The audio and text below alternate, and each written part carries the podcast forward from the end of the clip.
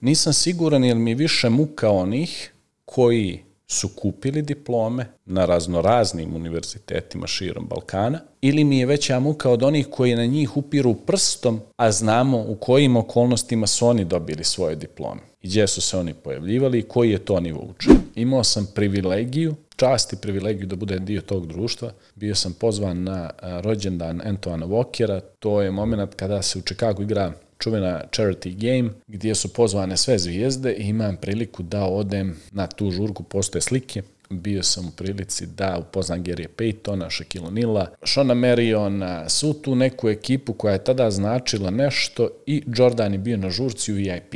Ja sam prvenstveno dokazanim radom sa njima i povjerenjem zaslužio bio tu poziciju. Na opšte iznenađenje čitavog crnogorskog establishmenta u tom momentu. Samo ću vam reći jedan, jedan podatak. Dolazim na jednu večeru u e, stara kuća, restoran na Zagoriču, gdje jedan čovjek kaže, evo ga, izvršni direktor uh, QBDC-a, Queens Beach Development Company, predstavnice Royal Grupe za Crnu Goru. Tada najuticajniji ministar u crnogorskoj vladi se uste i kaže, je li to definitivno? Ispred mene.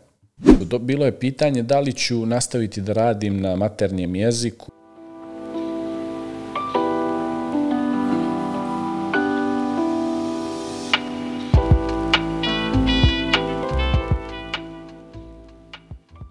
Dobrodošli u još jednu epizodu Spotlight podcasta, 77.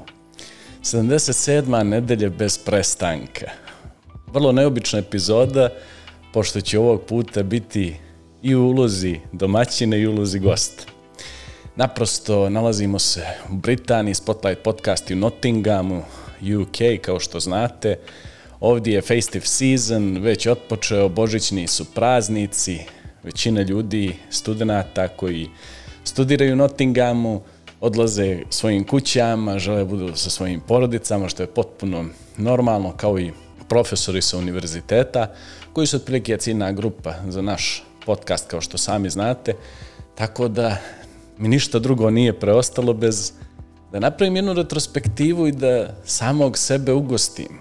Prvo moram da vam kažem, zaista sam počastovan velikim brojem poruka koje dobijam prvenstveno na Instagramu Spotlight Podcast FM za sve vas koji nas još uvijek ne pratite, ja vas molim, skoro smo blizu 10k, pomognite nam da što prije dođemo do tog broja. Sve je organski, apsolutno ništa ne promovišemo za sada. E, dobio sam veliki broj e, poruka podrške, veliki broj pitanja. E, već se izvinjavam svima vama, e, kojima nisam uspio potpunosti da se posvetim i odgovorim na način na koji to volim. Ali ste svakako neki dio odgovora dobili već do sada. Dobio sam veliki broj pitanja za ovu emisiju, e, proći ću kroz neka, većina njih negdje, da kažem, e, kruži oko pitanja ko sam, zato što se apsolutno nikad ne predstavim ni pred jednu svoju emisiju, odmah kažem ko je gost, koja je broj emisije i idemo dalje. Naprosto negdje nisam želio ni na koji način da budem e, neka tačka koja će remetiti flow svake emisije. Želio sam odmah da dođem do teme i nisam na neki način želio da sebe promovišem ni na, ni na koji način posebno. Jel? Ali da kažem, interesovanje je već negdje naraslo tako da ću odgovoriti ovim putem. Ajde da kažem, kao što postavim pitanje svim nekim svojim gostima, obrazovanje, kad je krenulo i gdje, ja sam rođen u Nikšiću, u Crnoj Gori naravno, tamo sam završio osnovnu školu Luka Simonović, bio sam odličan đak, Lučaš Vukovac, moram da priznam, neke ocjene su u osmom razredu poklonjene, što zbog velike angažovanosti u sportu, prvashodno košarci, futbalu, da kažem turnirima, koji su bili vezani za školska takmičenja, pogotovo je poklonjena ocjena i srpskog, jer sam ja neko srpskog jezika i književnosti, tako se tada zvalo, jeli, u, u zajedničkoj državi. Tako da je ta ocjena definitivno poklonjena, da na neki način ne bih izgubio luču, što bi rekli, jel? Bio sam neko ko, da kažem, imao je veliki problem sa čitanjem.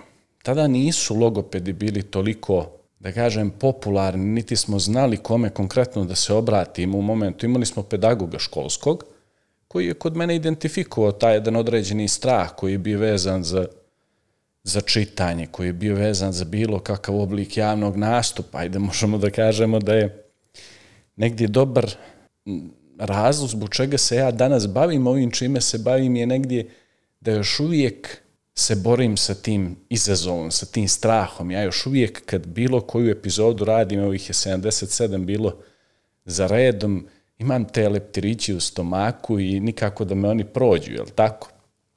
Tako da, e, vjerovatno je dio razloga zbog čega vodim Spotlight podcast i taj. Sjećam se, to je bila zanimljiva priča, e, svi naši nastavnici u školama su tada imali redovne provjere i komisije su dolazile nenajavljeno.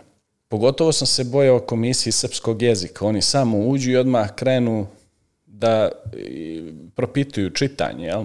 Ogromnu sam muku imao sa tim. Preznojim se, to su graške znoje bile. Čitav razred bi mi se smijao. Sjećam se, jednom su ušli i kažu okrenite knjigu Poleđina, idemo sadržaj i krenu, ja sam bio po sredini uvijek posljednja klupa. I oni krenu i shvatio sam da su uh, učenici čitali po dva naslova od pozadi i brzo prebrojim koliko je do mene i naučim ta dva, dobro u sebi ih iščitam. Red dođe do mene, ja to baš onako briljantno pročitam. Oni kažu, wow, mislimo da smo te zapamtili od prošlog puta, odličan napredak. Ajde, kreni stranicu. Majko moje, nisam mogao da maknem 5 sekundi, a ne da pročitam prvo slovo.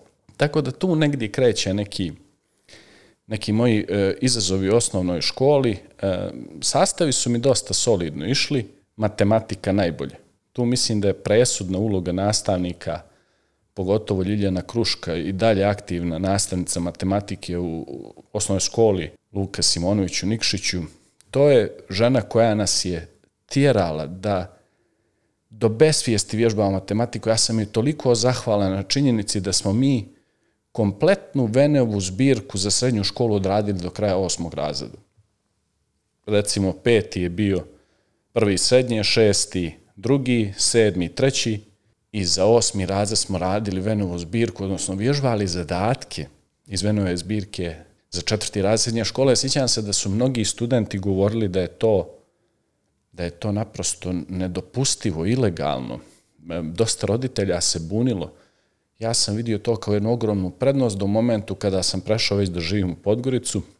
Uporedo sa školom aktivno sam se bavio košarkom i u tom momentu je Crna Gora u nalet određenog e, poslovnog uspjeha e, počela da gradi neke institucije, između ostalog i košarkaški klub budućnosti. Tada su najpoznatija imena u regionu došlo da igraju prvi tim budućnosti i neko ih je tada naučio, oni nisu znali kako da dovedu sve najbolje mlade ljudi i rekli su, ok, imali ste tada, to je već bila selekcija e, SRJ, Savezne republike Jugoslavije, e, naprosto dovedite cijelokupan line-up, odnosno djecu koja su bila na širem spisku Požarevca ili su bila na neki način u pipeline, čekali su poziv i dovedite tu djecu, te pionire i kadete u budućnost.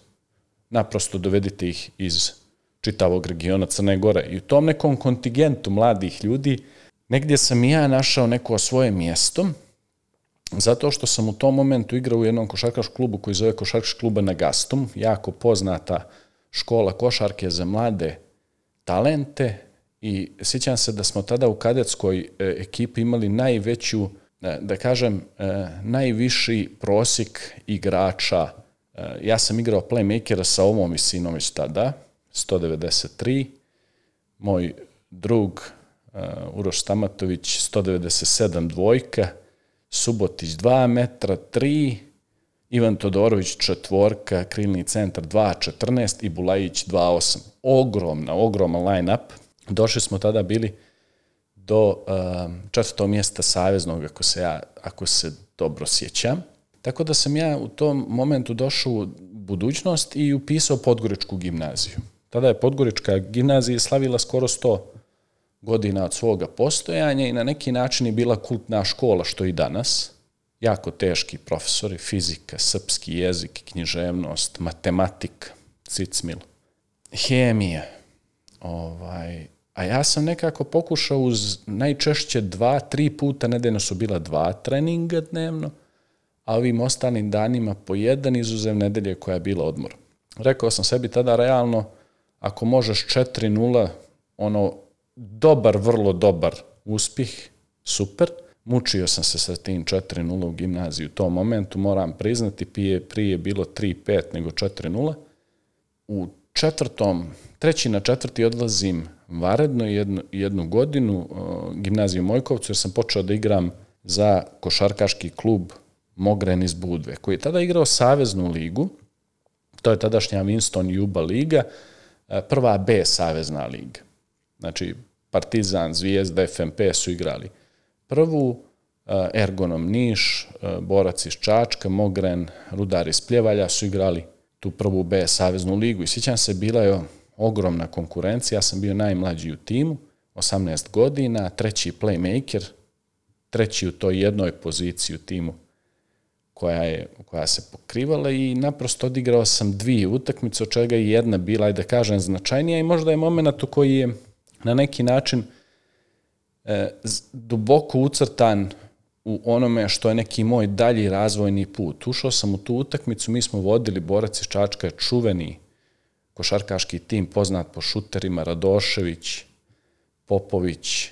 Sjećam se, vodili smo ih baš dosta, trener uvodi mene pred kraj, što je uobičajeno u takvim nekim utakmicama, pošto je na klupi borca vjerovatno sjedio neki mladi, neiskusni trener, on, kako je gubio određeni broj poena, želio je makar da smanji. To, iskoristio da je moj trener uveo čitav line-up mladih ljudi i napravio nam jedan zonski pressing. To je u, koša, u košarci je moment gdje se oni rasporede u trouglu i prate vas tokom čitavog terena.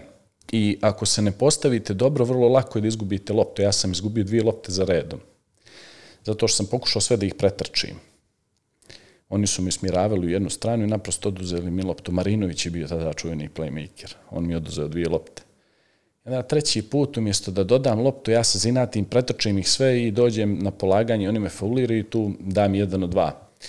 To bude veliko razočaranje iz kojeg ja mislim da se nikad nisam oporavio. Posle toga nisam dobio priliku, odlazim polusezonu da igram u, go, u Gorštaku iz Kolašina i nakon toga je postala aktuelna Amerika. Znam da sam malo napravio veliki uvod, ali sam želio da dođem do te Amerike i te aplikacije za vizu 2003. godine zato što je to sledeći preloman moment u mom životnom putu koji ja obilježavam 20 godina od tog momenta, jer na neki način on upućuje na sve ovo što danas radim.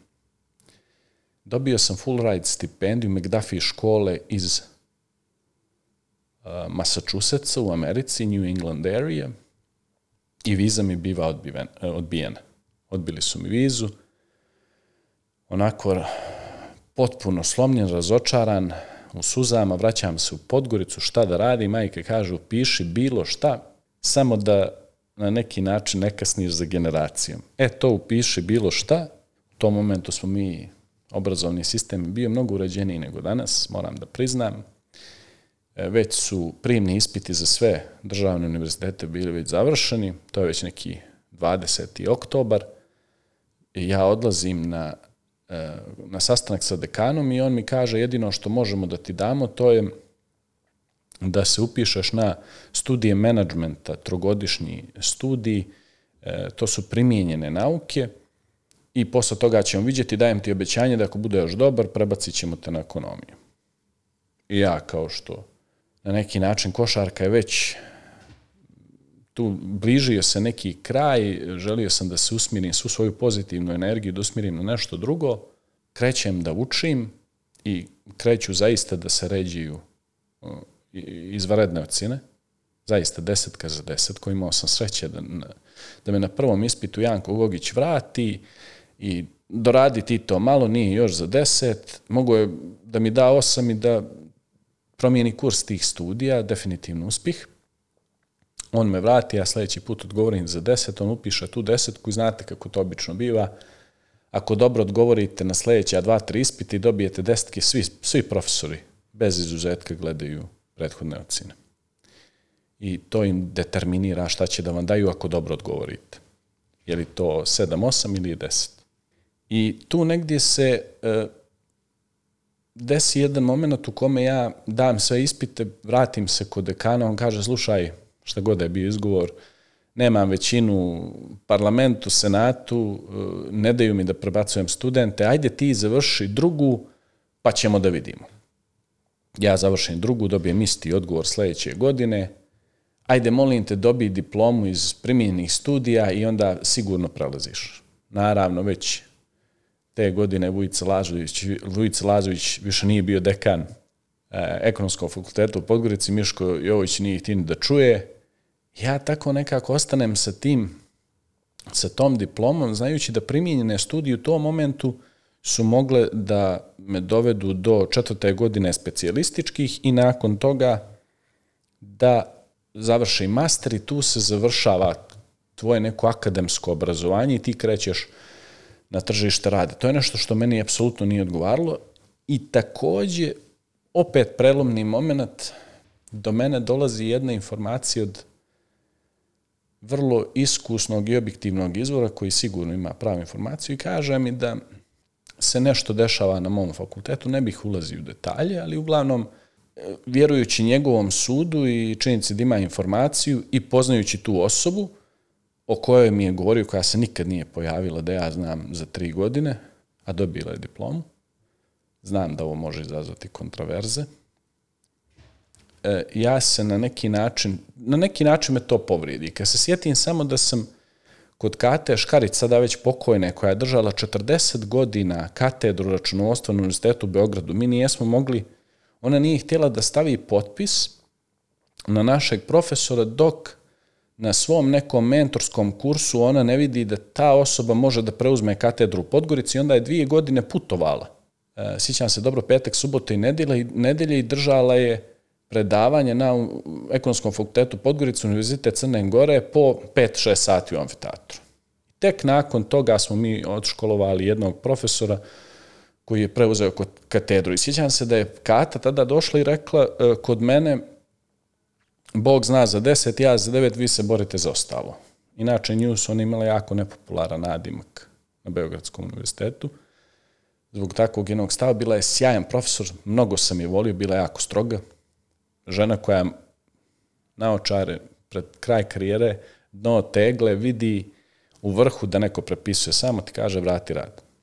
Ja se zinati, meni nije išlo računovodstvo. Mladen je tada bio popularan da drži časove ovaj, bookkeepinga, eli, knjigovodstva, ja malo katina, ne malo, nego malo više, spavao sam sa tom knjigom ko mladena na času i dobijem deset. Sjećam se da to bila jedina desetka te godine, jer izlaze rezultati iz ekonomiju za studije menadžmenta, ona nije htjela da makne jednu rečenicu iz svoje knjige, bio je apsolutno isti program za oba tečaja, i mene prepoznaju po univerzitetu po desetci, po desetki iz računovodstva kod Kate Škarić, narednih sigurno par mjeseci, kaže evo ga ovaj ludak. Upravo to sam želio kažem jer sam zaista veliki trud uložio bio učenje i nisam imao utisak da je ta škola bila neka a, a, bila adekvatna i mjerodavna uloženom trudu te generacije. Jer oni da bi negdje postavili standard prema nama su bili strogi, a škola kao škola nije uvažavala ugled. Sjećam se dobro da je profesor Božo Mihajlović znao da uđe, koji redovno predaje na ekonomiji, na studijama menadžmenta i kaže vi ste samo neki nećni kurs. Znači urodno prima platu od nas, od naših školarina, ja sam stvarno dobio stipendiju već posle prve godine, nisam posle plaće, bio sam oslobođen, ali ostali studenti su uredno plaćali i dosta se fino tada živjelo na Univerzitetu Crne Gore ekonomskom fakultetu, mijenjali su se prozori, kupovala su se službena vozila, onako vidio se taj uticaj studija management i te finansijske injekcije. I ja to odlučim da napravim pauzu. Rekao sam sebi da više nikad u životu knjigu ne uzmem ako budem morao da nastavim da se školujem u Crnoj Gori, to neće biti slučaj. Ili inostranstvo, ili, ili ništa. i, ajde kažem, 2006. dajem poslednji ispit, odlazim za Ameriku, 2006. 2008. Vraćam se nazad i diplomiram. Znači, ajde, u regularnim uslovima bih ja uh, završio u roku, tri godine, 965, student generacije, ali zbog činjenice da sam pauzirao dvije godine zbog odlaska u US i e, kasnijeg diplomiranja, e, to se malo nešto, ajde da kažem, poremetilo. E, ovo sve pričam zato što je ta tema aktuelna danas koliko je aktuelna bila 2006. Diplome, kupovina diploma, kredibilitet obrazovne institucije, šta se može, je li šesti stepen ili sedmi stepen. Mnogo se danas priča u Crnoj Gori i u regionu o tome. Moram da vam kažem, muka mi je. Nisam siguran je li mi više muka onih koji su kupili diplome na raznoraznim univerzitetima širom Balkana, ili mi je veća muka od onih koji na njih upiru prstom, a znamo u kojim okolnostima su oni dobili svoje diplome i gdje su se oni pojavljivali i koji je to nivo učenja. Tako da nisam siguran tu do kraja e, na koga sam kivan više, što bi rekli. Uglavnom, želio sam da nastavim da studiram u inostranstvu, to nije bilo moguće, tada je preko košarke, preko sporta generalno, vrlo mali broj ljudi iz Crne Gore na prste, e, dvije ruke ste ih mogli pobrojati, sjećam se odlično, u njih smo gledali kao u idole, prvo Marko Krivokapić, pa onda Marko Jovanović, Vasilij Javuković, Stevan Milić. To su ljudi koji su mogli da nekako uz pomoć porodice, određene finansijske situacije, vispremnosti i nespornog košarkaškog kvaliteta su došli u mogućnost da se obrazuju i mi smo svi u njih gledali kao bogove. Sjećam se, ljeti se vrate kući, dođu na basketi za gimnaziju ili u budu teretani moga pokojnog ujaka koji je jedan hram sporta gdje sam se ja podigao i donesu nam dresova, donesu torbe pune, ovaj, patike, trenerke, markeri, dresovi sa dva lice, tako dalje. Tako da e, tu se negdje rodila jedna ogromna želja, težnja da se u nekom momentu ode. Biva taj odlazak, mi smo, da kažem, 2006. godine prva neka generacije pioniri modernog odlaska i rada u inostranstvu, pogotovo u ovom dijelu work and travel u Americi i ja sa svojim pokojnim bratom i čitavom jednom njegovom ekipom e, sa Državnog univerziteta u Novom Sadu, studija DIFA, odlazim sa nji, e, po njihovom nagovoru odlazim da apliciram za vizu. Poslednjem trenu. Oni su svi željeli te godine dodu. Sjećam se, tada stojite u redu, viziranje bilo u kneza Miloša, 50 ljudi, ja sa njima stojim, oni svi uzbuđeni, ja onako malo rasterećeni, imajući u vidu da sam već imao jedno negativno iskustvo.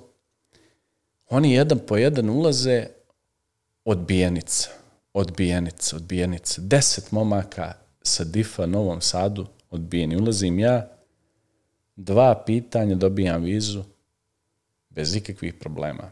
Vraćam se kući i pričam sa, sa bratom i kažem neću da idem. Kako sad ja da idem, a na neki način razlog zbog koje sam želio da odem ste u stvari vi, da sa vama idem, da se malo družim, da radimo, da, da putujemo, nakon što zaradimo nešto novca. On kaže, nema šanse, čeče Bože, ideš. To je to. Ja kažem, kako ću, nisam nikad bio, kaže on potiljak za svim ostalima naćeš svoj put. I tako je zaista i bilo, to sam ponovio na jutarnjem programu kod Vlada Perovića, moga e, velikog druga i kumovske familije, e, naprosto nađete svoj put. U Americi sam proveo dvije godine, e, nisam želio ni na koji način da ostanem ilegalno niti jednog sekunda, kada mi istekla, kada mi je istekao treće produženje od šest mjeseci, istog dana, dan prije toga sam se vratio nazad za Crnu Goru. To je bilo jedno transformativno iskustvo za mene. Živio sam u tri države, obišao malo više.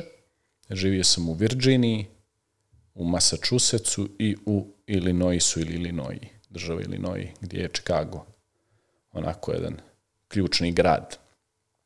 E, to su sve jedni, jedne iskustva gdje vi stičete e, prijateljstva na dnevnom nivou u Virginiji familija Radovanović, ovamo e, Massachusetts, Springfield, čuveni poznat po Simpsonovima, ali poznati po e, kući slavnih, on, hram košarke. Tu sam upoznao Johna Melonija, e, sada već pokojnog, koji mi je mnogo pomogao da se integrišem u društvo, našao mi posao i bila je opcija da zaigram za Westfield State univerzitet za koji je tada igrao Vaso Javuković, odnosno Vaso je završio godinu dana prije mene, prije mog dolaska i živio sam u istoj kući gdje je živio taj Nikšić, no obojica smo iz Nikšića.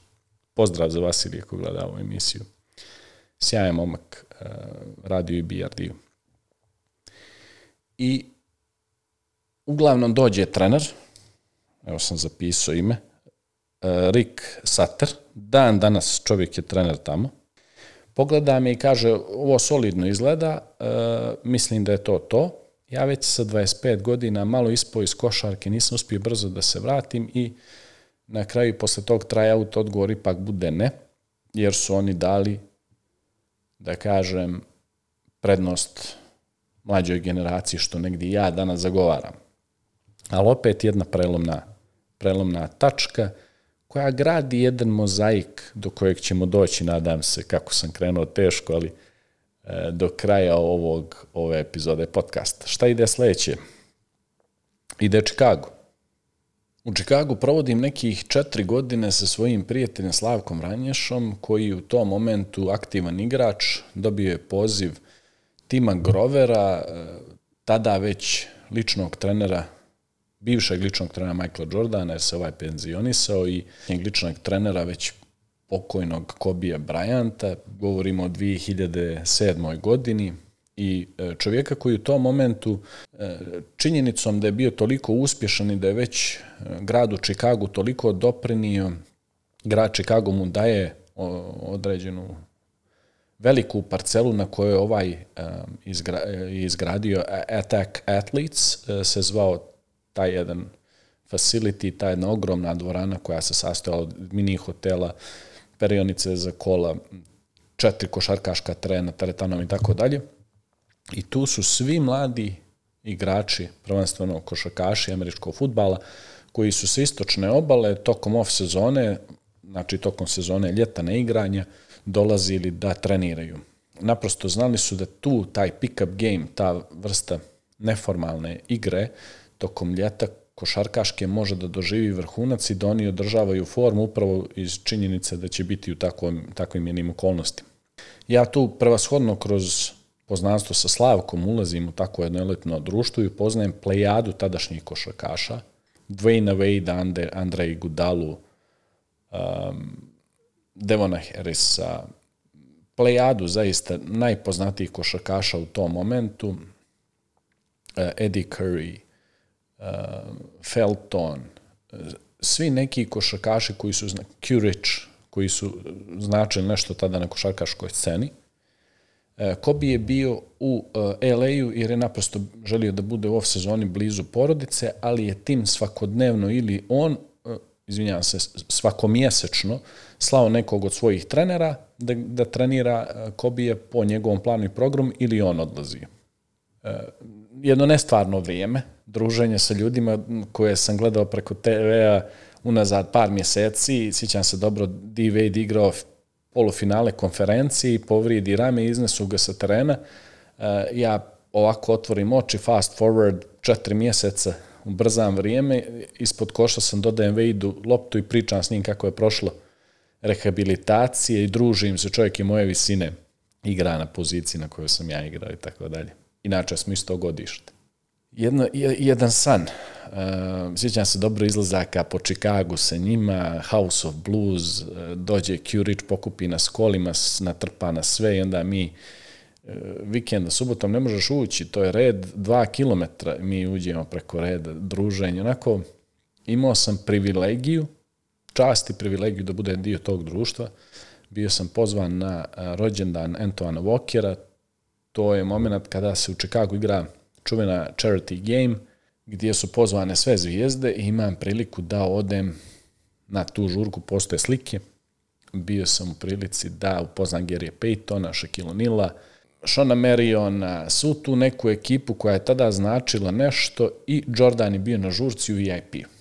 Sjećam se dobro, VIP je naprosto crna ogromna zavisa, dva uslovno rečeno šifonjera od bodybuildera koje nijesi mogao da prođeš, onako ja nešto tu na foru im ispričam da sam menadžer ne znam čiji, uđemo tu, Jordan mi je bio na, na pet metara mene za šanku, onako pripit. Nikad neću zaboraviti, ne znam šta bi Slavko kaže, nemoj, pušti ga sad, drugi ćemo put.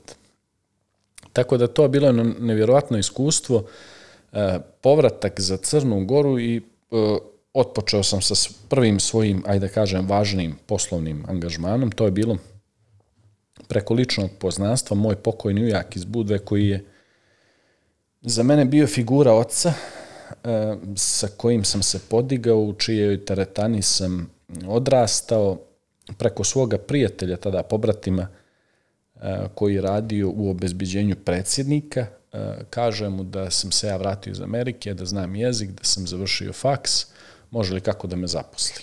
I u nekom momentu, čekao sam dugo, preko četiri mjeseca, taj poziv i ja odlazim, sjećam se dobro, bila je Maša, restoran u Podgorici, tu su bili Arapi iz Ujedinjenih Arabskih Emirata, predstavnici jake firme, ja tu njih upoznajem i počinjem da radim. Sjećam se dobro, bila je šala, onako imao sam 70 kila više nego danas, onako mišića, dobro se trenirala i jelo.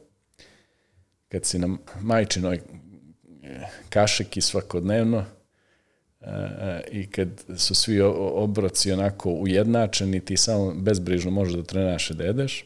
Bila je fora koju su dugo prepričavali posle, kažu da zna jezik, ima neku diplomu, ako se baš ispostavi da ništa ne zna, stavit ćemo ga da nekoga čuva. Naprijed tri godine e, postajem prvi izvršni direktor SPV je Special Purpose Vehicle, odnosno firma koja je posebno otvorena ispred Royal grupe da u ime i za račun Royal grupe izvede projekat Kraljičine plaže.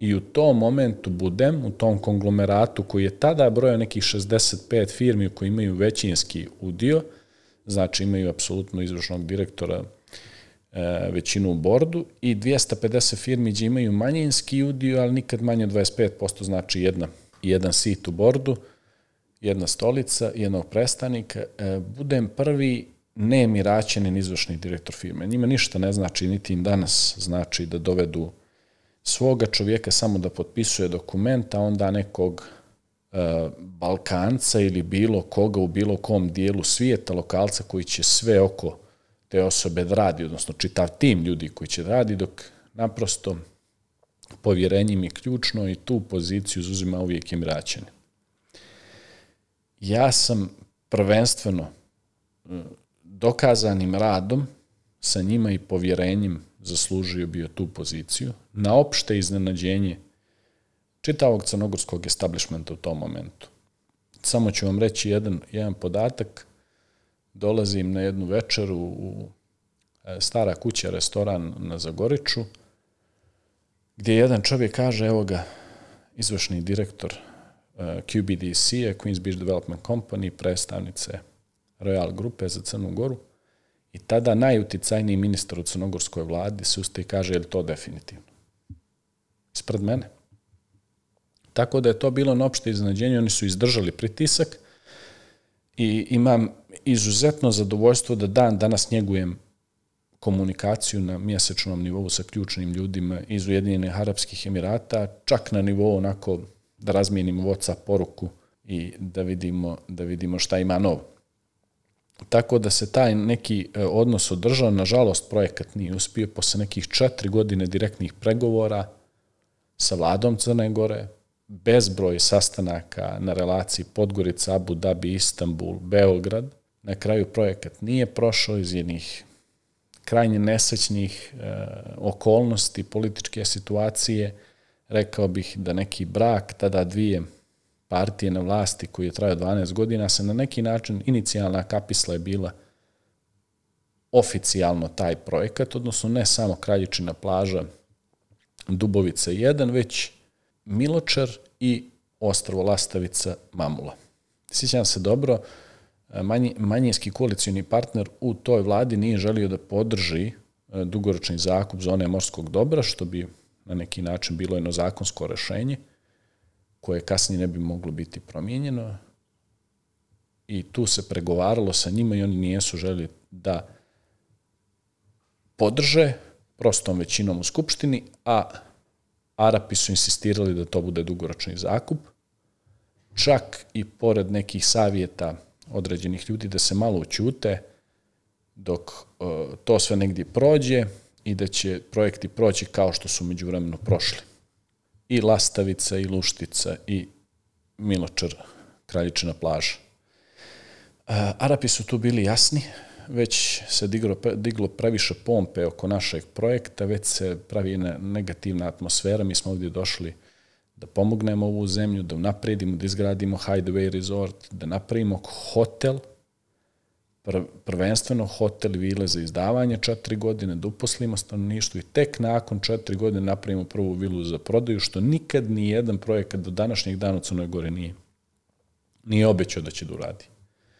Tako da su oni tu bili izričiti, u mjesec dana su zatvorili firmu i otišli. I do današnjih dana, da ja znam, taj projekat nije reaktiviran. E, nakon toga počinjem da radim u prvoj banci Crne Gore na mjestu e, izvršnog savjetnika, e, glavnog izvršnog direktora za, za toksičnu imovinu i NPLs, non-performing loans. U principu e, izvještavao sam izvršnom direktoru o problematičnim plasmanima i imovini koja je u postupku preuzeta, treba da popišem tu imovinu, da vidim šta je njen status, da pokušam da je na neki način uvedem kroz neke aplikacije za planske dokumente, određene tokovi, da se ta imovina na neki način ponudi tržištu. Tu sam proveo dvije godine, e, završio svoj dio posla, i na neki način nastavio dalje. Posle toga kreće Agencija za studiju inostranstvu i ovaj podcast. I ajde da kažem, na neki način završava se jedan, jedan ciklus gdje sam ja pokušao da studiram 2003. odbijena mi je viza, onda sam kroz par iteracija e, nastavio sa pokušajima dok sam bio u Americi, U svakoj od država gdje sam bio, poslao sam preko 50 aplikacija na preko 50 univerziteta. Naprosto oni su mene primali, ali nijesu željeli da mi daju punu stipendiju, uvijek je tu trebalo, znate da su školarine u Americi basnosnovne, čak i za neke srednje univerzitete, što za mene nije bila mogućnost da i radim, zarađujem i finansiram. Tako da na neki način e, dolazimo do agencije za studiju inostranstvu koja je trajala tri godine i koja je pretočeno u Spotlight podcast, naprosto već smo, ajde da kažem, poslali određenu generaciju ljudi koji su se već vratili u Crnu Goru i Srbiju i umjesto da radimo klasične intervjue sa njima, odlučio sam da napravim podcast koji će imati tu neku formu intervjua. Da mladi ljudi koji su imali iskustvo studija u inostranstvu, koji su otišli preko agencije ili nekim svojim putem, dođu i pričaju o svojim iskustvima. Tako da tu dolazimo negdje do te neke suštine i odgovora na to kako podcast. Trebalo mi je neki 45 minuta, jesam opširan, nemam puno prilike, hvala vam. E, tako da to je to. Logično pitanje e, se postavljalo zašto e, sam došao u Veliku Britaniju u momentu kada podcast zaista doživlja određenu ekspanziju prvenstveno u Srbiji, onda i u regionu, jer sam u tom momentu snimio nekih 20 e, epizoda u Beogradu, 20 u Sarajevu, preko 20 u Podgorici. Ove iz Srbije su bile izuzetno uspješne, e, nakačivši se na određenu nišu koja u tom momentu zaista vladala, a to je zdraviji stilovi života psihologije. I e, ja odlučujem da dođem u Veliku Britaniju upravo zato što sam želio da zaokružim to svoje obrazovanje u inostranstvu. Stekli su se uslovi, sačuvao se određeni novac, ne mali. Ja sam već do ovog momenta investirao u sobstveno obrazovanje preko 20.000 funti.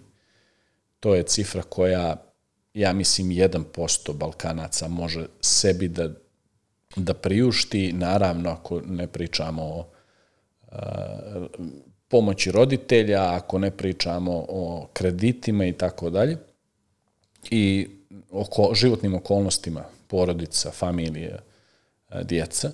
Tako da sam odlučio da, da dođem i da na neki način zaokružim tu neku mo, moju viziju i sa sobom sam neminovno donio i podcast.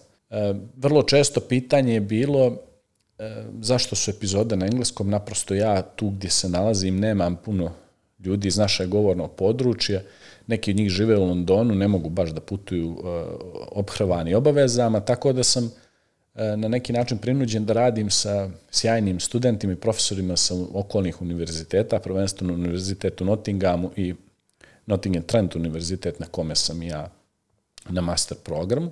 I super jedno iskustvo. Bilo je pitanje da li ću nastaviti da radim na maternjem jeziku, naravno, već mogu da kažem da je preko 20 epizoda u pipelineu na Balkanu, da u momentu kada se ja vratim ću nastaviti da snimam. E, ozbiljni su pregovori, e, već dvije iteracije pregovora sa jednom jako reputabilnom kompanijom koja želi da bude sponsor ovog podcasta. Ništa neću više reći od toga zato što naprosto mnogo puta sam u životu bio u poziciji da je nešto završeno i da se nešto ispostavi E, na kraju da bude prepreka, tako da u anticipaciji toga to, to bi nam značajno pomoglo.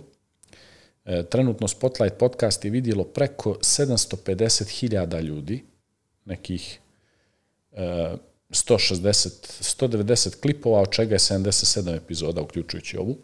Zanimljiv podatak je da Spotlight podcast je pogledalo 770.000 ljudi, odnosno 104.000 sati gledanje. Jako zanimljiv podatak jer je to ta metrika watch time odnosno vremena provedenog na kanalu. A to je ključna metrika koju YouTube trenutno gleda da bi pozicionirao vaš kanal.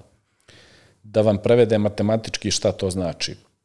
24 sata dnevno, puta 7 dana, odnosno puta 365 dana, znači imamo 8760 sati godišnje. Spotlight podcast znači već matematički pogledalo 11 godina u tom vrednosnom vremenskom okviru, što je jedan ogroman uticaj i na čemu sam ja e, izuzetno srećen i zahvalan.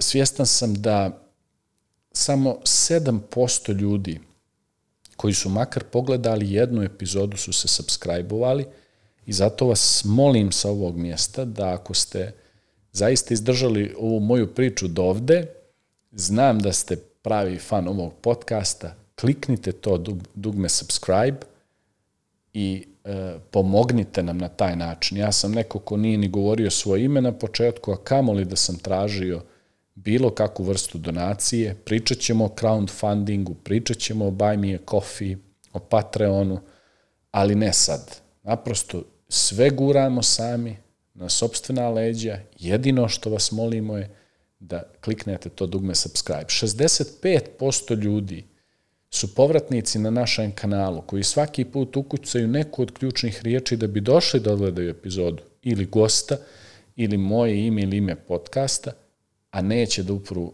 da kliknu dugme subscribe. Mnogo bi nam to značilo da sad ne, ne gubimo vrijeme dalje na tu priču.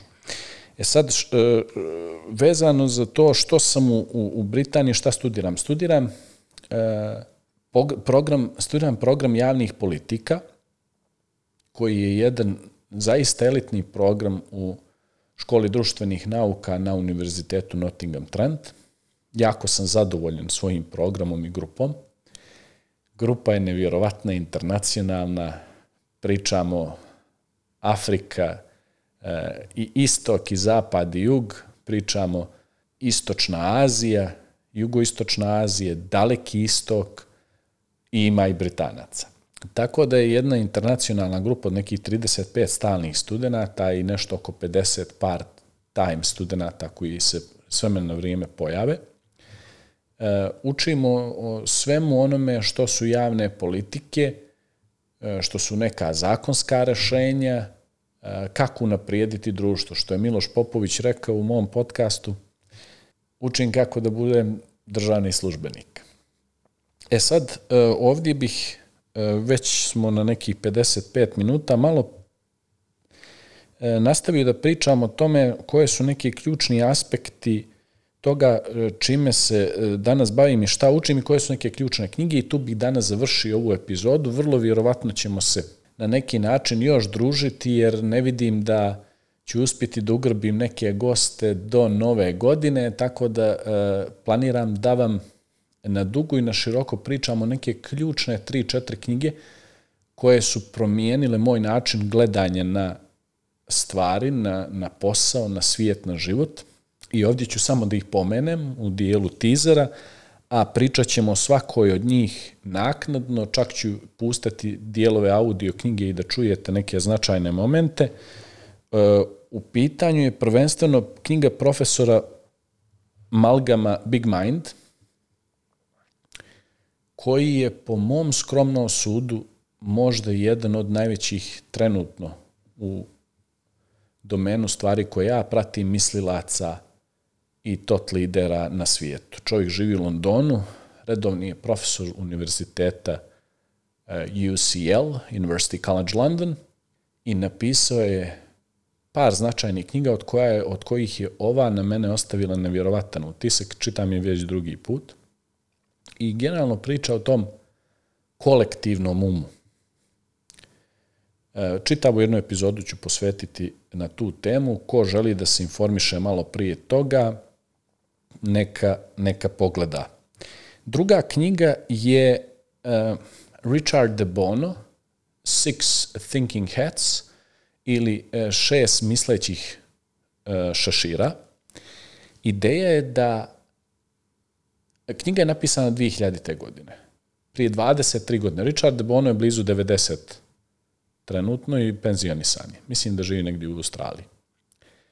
Čovjek je uspio da napravi modalitet razmišljanja koji je apsolutno promijenio svijet.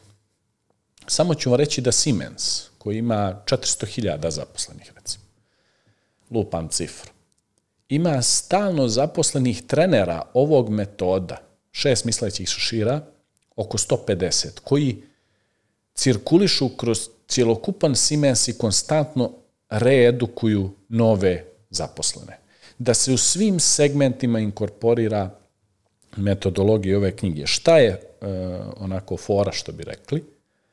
Fora je da imate šest mislilaca, da ne bi ponavljao njihova imena, jer ih teško zapamtiti, on je dao uh, šest šešira različite boje.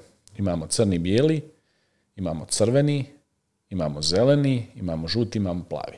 I svaki od šešira ima svoje značenje. Ideja je, u sledećoj epizodi ću pričati primjenu te knjige kroz određene simulacije.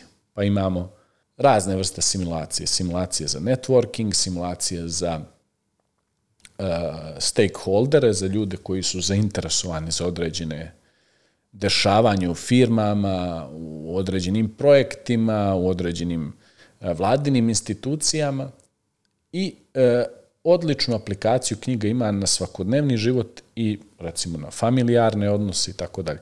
Ideja je da svaka, e, svaki šešir ima svoje značenje e, i ima asocijaciju. Recimo, e, crveni šešir je emocija. Apsolutno svemu o čemu debatujemo možete da kažete svoju emociju i da zbog toga ne budete osuđivani, niti da neko traži od vas na bilo koji način da objasnite svoju emociju. I ona tu ostaje zapisana i ostaje u vazduhu i zna se šta je vaš stav po tom pitanju. E, bijela su fakti. I one najčešće dolaze na početku svakog sastanka ili priče o bilo kakvom problemu. Dajte mi apsolutno sve činjenice koje su vezane za taj fenomen o kome pričamo ili taj problem. Crna, crni šešir je e, dajte mi sve negativne aspekte toga.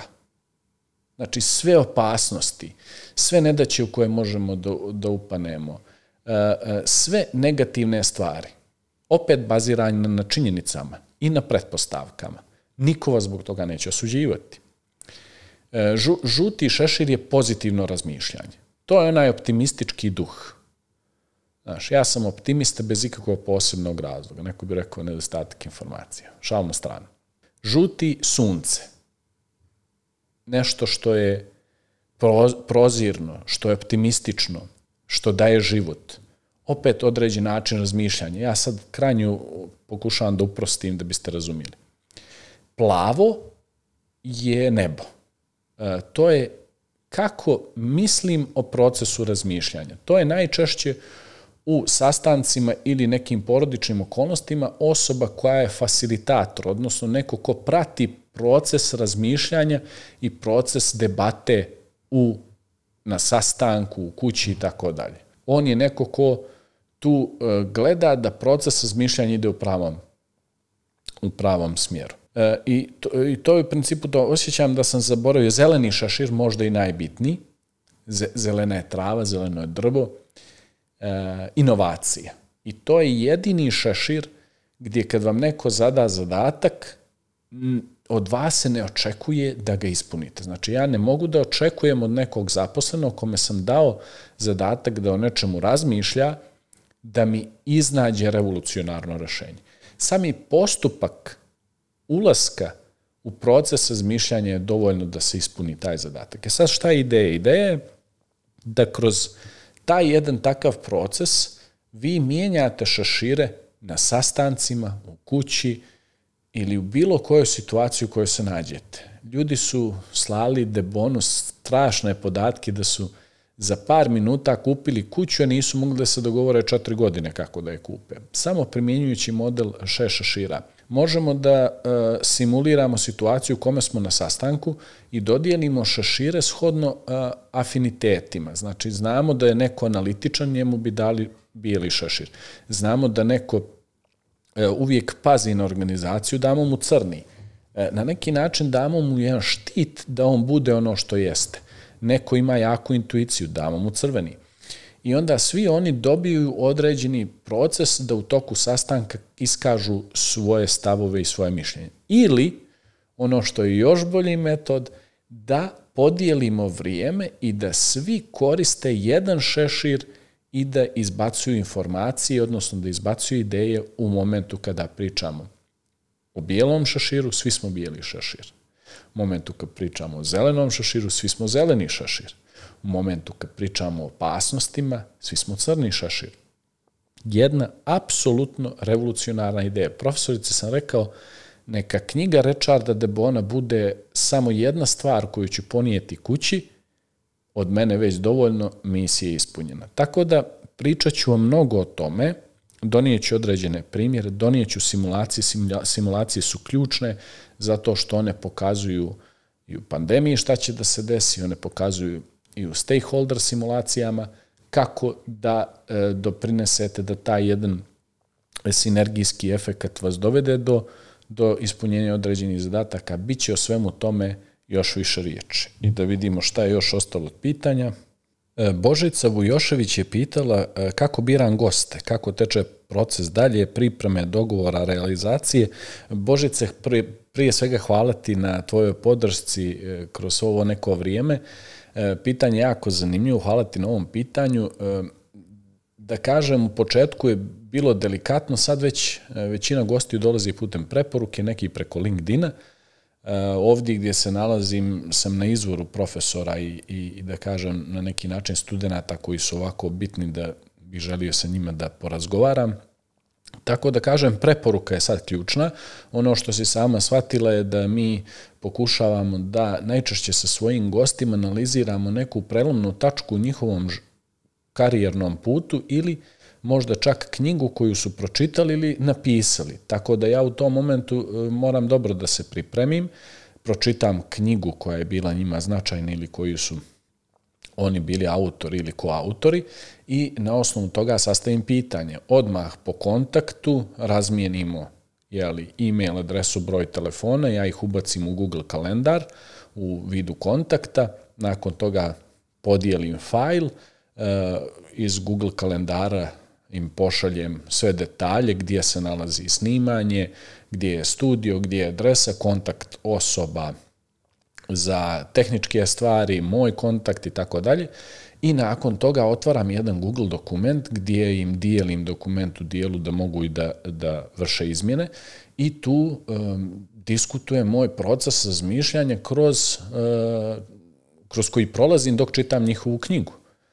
I tu im ukazujem koji su neki ključni momenti koje sam ja zapazio, gledam da oni daju svoj input, da mi kažu šta je to njima bilo važno i da na osnovu toga kreiramo neka dobra pitanja. Svjestan sam da u tom momentu dosta toga je na neki način e, teledirigovano, ali jako dobre emisije smo pripremili iz oblasti psihologije na taj način prevashodno imajući u vidu trenutno gostovanje Marije Hadžović, Harmonije duša, gdje smo pričali o narcisoidnosti i narcizmu. Um, dalje Beautiful Minds J&D, uh, gdje smo pričali o uh, emocionalnom emocionalnoj inteligenciji u partnerskim odnosima sa Jelenom Stanivuković, tako da te neke vrste emisija koje ne želim da prepustim slučaju, kreiram dokument i tu kreće jedan ozbiljen proces uh, pripreme. Za ove neke druge emisije standardna forma. Krenemo, prvi dio je akademski, drugi dio je profesionalni put ili idemo jedan slalom ako vidimo da ne možemo da odvojimo. Što se tiče svega ostalog, jasno ti je da e, sam ja za sada još uvijek sam u čitavoj ovoj priči i tu se negdje vraćam na dio vezan za finansiranje, to ću odgovoriti kroz sljedeće pitanje.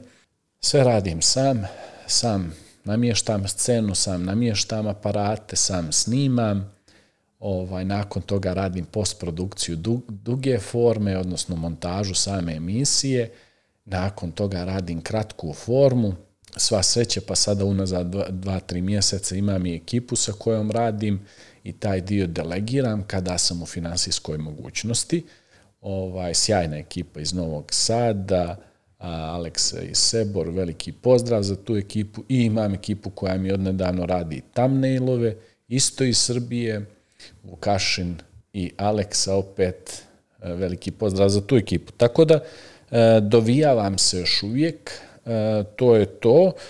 Što se tiče dogovora i realizacije, uvijek gledaš da se na neki način upodobiš okolnostima gosta, jer živim u takvom vremenu gdje dešavaju se da otkažu epizodu, moraš da imaš u pipeline-u nešto što će biti da uskoči ako ti otkaže gost u zadnjem momentu, da imaš stekovano dvije, tri epizode i tako. Ja ne bih bio u ovoj poziciji danas da sebe snimam, da sam imao par nasnimljenih emisija, ali opet to ima veze sa činjenicom da sam došao da studiram i da nisam mogao da snimim naprijed.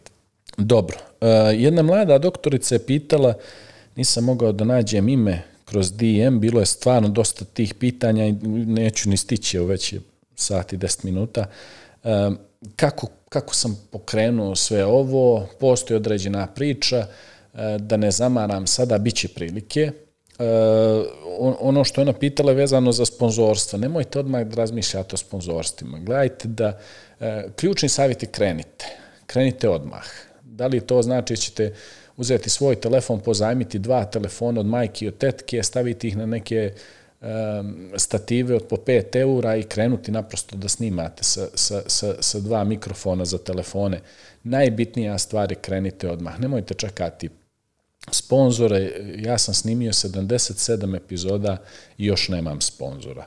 Prvenstveno zato što sam neke sponzore odbio, jer se naprosto ne uklapaju sve ono što su vrijednosti koje predstavlja Spotlight podcast, a drugo, do, e, do velikih sponzora nije lako doći jer oni očekuju upravo ovo što vas ja stalno molim. Subscribeujte se na kanal, otiđite na Instagram nalog, e, kliknite taj, e, to dugme follow, jer to je ono, možemo mi biti dobri koliko god želimo ili mislimo da smo dobri, ako nemamo taj fan base, naprosto velika sponzorstva neće doći u nekom momentu, ćemo i mi negdje da e, ostanemo bez svojih financija i koliko god željeli nećemo moći da nastavimo da se ovim bavimo. Tako da to me lijepo uvelo u ovo poslednje pitanje koje želim da obradim za danas je vezano za crowdfunding i kada će krenuti. Ja sam negdje ranije najavio da ću da krenem sa Patreonom, zaista nema vremena, malo sam tu nedosledan, ali čekam pravi moment. Recimo da sada nakon skoro dvije godine postojanja Spotlight podcasta, postoji kritična grupa između 500 i 700 vas koji nas zaista u korak pratite, koji lajkujete, koji želite više od nas, koji želite više sadržaja, koji navijate za nas, koji nas bodrite. E,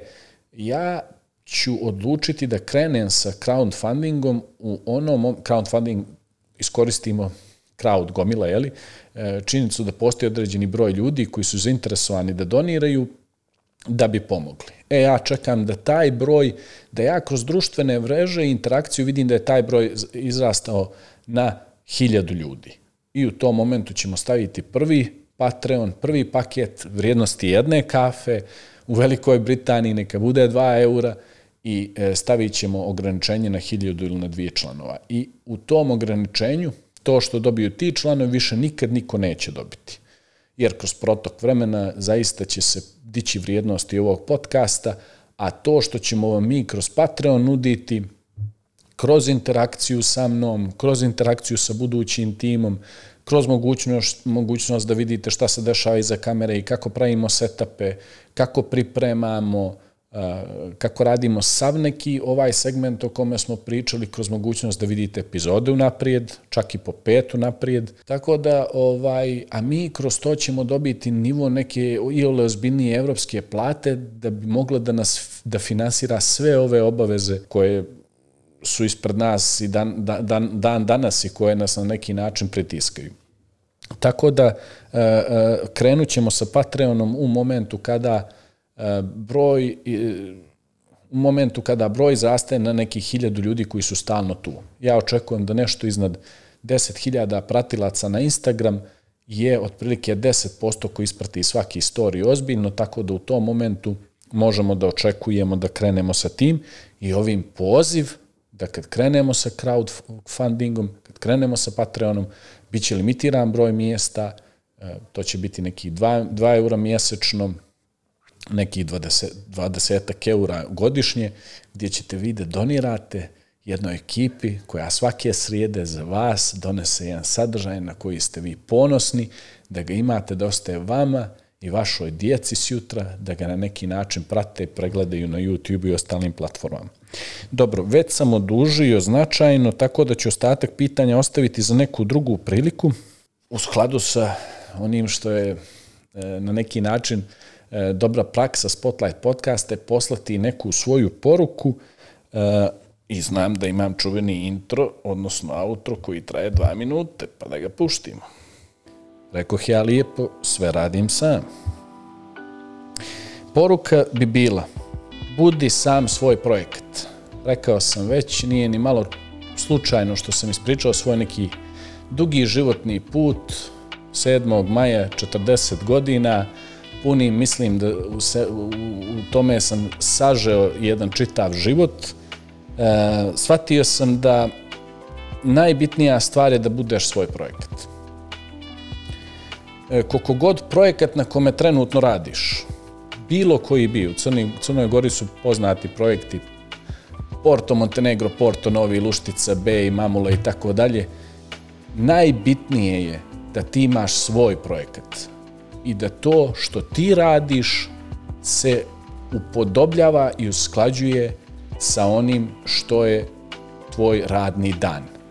Znači, ako radiš od 9 do 5 u banci ili na nekom projektu ili u javnoj upravi, gledaj da u pozadini imaš svoj projekat koji kreiraš i koji ti je najbitniji.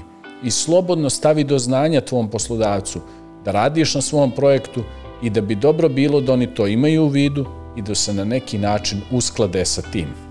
Zašto? Zato što uh, ako tvoj posao koji radiš je na neki način zavistan od eksternih faktora, većina jeste, ti nećeš biti za stolom ili ćeš biti samo jedan glas za stolom kada se bude odlučivalo o sudbini tog projekta. U svom projektu si ključni glas.